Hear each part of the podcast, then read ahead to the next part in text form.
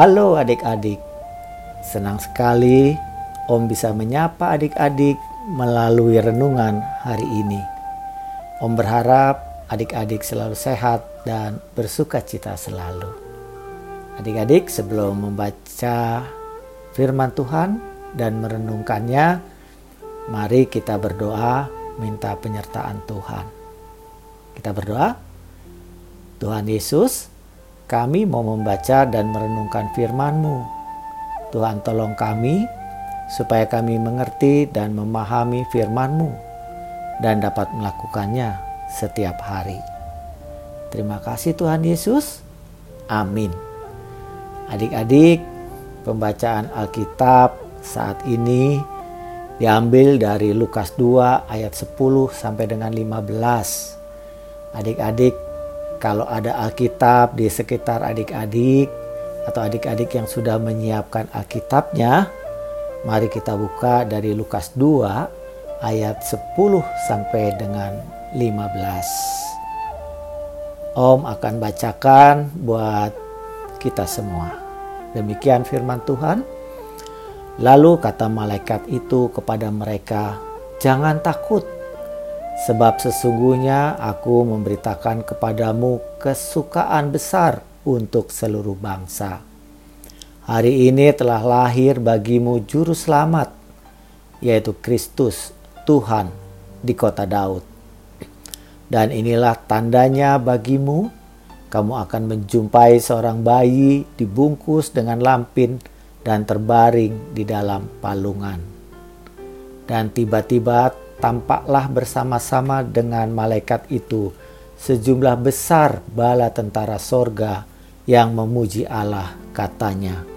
Kemuliaan bagi Allah di tempat yang maha tinggi dan damai sejahtera di bumi di antara manusia yang berkenan kepadanya.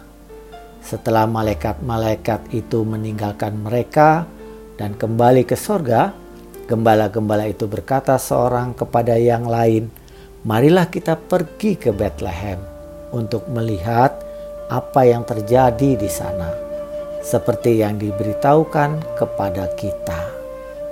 Demikian pembacaan Alkitab. Adik-adik, judul renungan kita adalah kabar dari malaikat. Fokus renungannya pada Lukas 2 ayat 10 Lalu kata malaikat itu kepada mereka, "Jangan takut, sebab sesungguhnya aku memberitakan kepadamu kesukaan besar untuk seluruh bangsa." Adik-adik, beberapa hari yang lalu kita sudah belajar tentang gembala.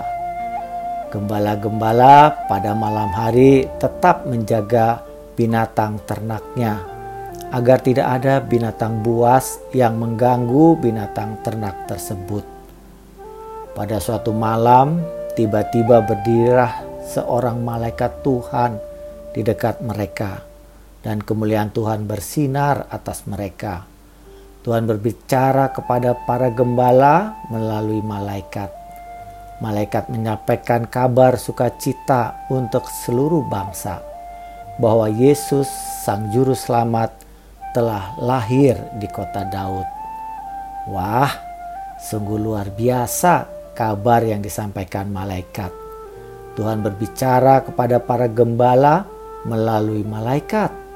Lalu, bagaimana cara Tuhan berbicara kepada adik-adik?